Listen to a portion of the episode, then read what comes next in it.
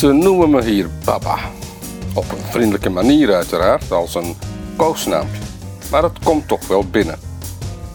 Het moet mijn grijze baard zijn, ongetwijfeld, die dit eh, oproept bij mijn Afrikaanse vrienden. Of het zal een teken van eerbied zijn. Dat is het, eerbied. Maar waarvoor dan? Toch weer voor mijn grijze haren. Zou er ook een Afrikaans lied zijn dat de eerbied voor grijze haren bezingt, vraag ik me dan af. Baba, opa dus. Het is me wat. De eerste die me met Baba aansprak was Adam. Zoals ik in een eerdere podcast al uitlegde, is dat vermoedelijk niet zijn echte naam. Om het ons eh, gemakkelijk te maken, verwestersen de Afrikanen hun Afrikaanse naam graag naar een gemakkelijker klinkend alternatief. Adam werkt op een van de vele specerijenboerderijen op het eiland Zanzibar en beschouwde me twee dagen nadat we elkaar hadden ontmoet, blijkbaar als een vertrouweling. We zaten op zijn boerderij onder een mangoboom, wachtend op het middageten dat ter plaatse werd bereid.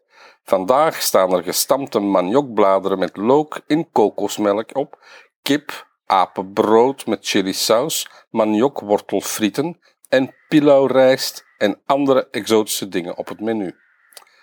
Alles geplukt uit Adam zijn klein paradijs, ook de kippen. Maar de lochting maakt toch vele hoe, zong Ivan Eile decennia geleden al, en geef hem eens ongelijk. Twee vriendinnen en een vriend van Adam zijn al meer dan twee uur bezig met het kookproces. Vers eten is hier ook echt vers eten. De kokosnoot werd onder onze ogen uit de kokospalm gehaald door een jongen met spieren als kabels die lenig en zonder vrees de acht meter hoge kokospalm inkroop en fluitend enkele kokosnoten lossneed. Vervolgens werd de kokosnoot op, opengemaakt en het kokoswater opgevangen waarna de vrouwen het binnenste vruchtvlees van de kokosnoot losschraapten middels een puntig mes dat aan de voorkant van een houten V-vormig stoeltje was vastgemaakt. Een zwaar werkje voor armen en polsen dat gemakkelijk 20 minuten per kokosnoot in beslag nam. Daarna werd het kokosschraapsel met wat water gemengd en uitgewrongen tot kokosmelk. Alleen dit hele proces duurde meer dan 40 minuten. Ik zal nooit meer een blikje kokosmelk uit de supermarkt kunnen opendraaien zonder hieraan te denken. Hetzelfde gold voor alle andere ingrediënten. Voor onze ogen werden de groenten geschraapt, gepeld, geschild, geplet, gewassen. Kruiden en specerijen werden fijn gestampt in een vijzel. Tientallen kleine teentjes look werden geduldig van hun schilletje ontdaan. Terwijl Adam en ik meehielpen met het schillen van groenten, stortte hij zijn hart uit. Baba, zei hij, ik heb huwelijksproblemen. Ik schrok een beetje, want bij mijn vorige bezoek aan Zanzibar had een andere jongeman me ook al in vertrouwen genomen en verteld over zijn impotentieproblemen, die gelukkig waren opgelost met een lokaal middeltje. Terwijl Adam zijn keel een beetje verlegen schraapte, hoopte ik stiekem dat het huwelijksprobleem van deze jongeman ook zijn seksleven betrof, want dan kon ik namelijk het recept overnemen dat de vorige jongen, waarbij de phallus impudicus maar niet meer in bloei wilde komen, me had verteld. Het betrof een recept van octopus met gember en limoen, als ik het me goed herinner. Wie kan daar nu tegen zijn? Het staat sindsdien dagelijks op mijn menu. Baba, mijn vrouw is erg jaloers, stak Adam eindelijk van wal. Dus toch geen impotentie. Als ik wat later wegblijf, belt ze me de hele tijd. Als ik s'avonds thuis kom, vraagt ze me honderd uit waar ik ben geweest.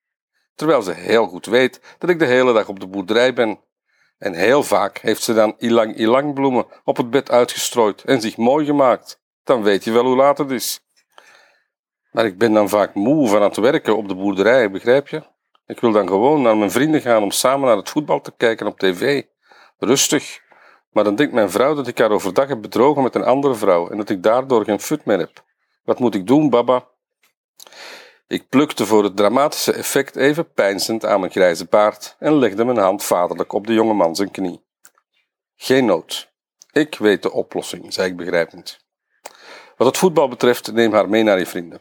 Ofwel zal ze het fantastisch vinden, al die getatoeëerde gespierde lijven die hun shirt uittrekken bij een doelpunt, ofwel vindt ze het razend vervelend met dat buitenspel en zo en blijft ze in de toekomst thuis. En wat die vermoeidheid in de bedstee betreft, goede vriend, één raad.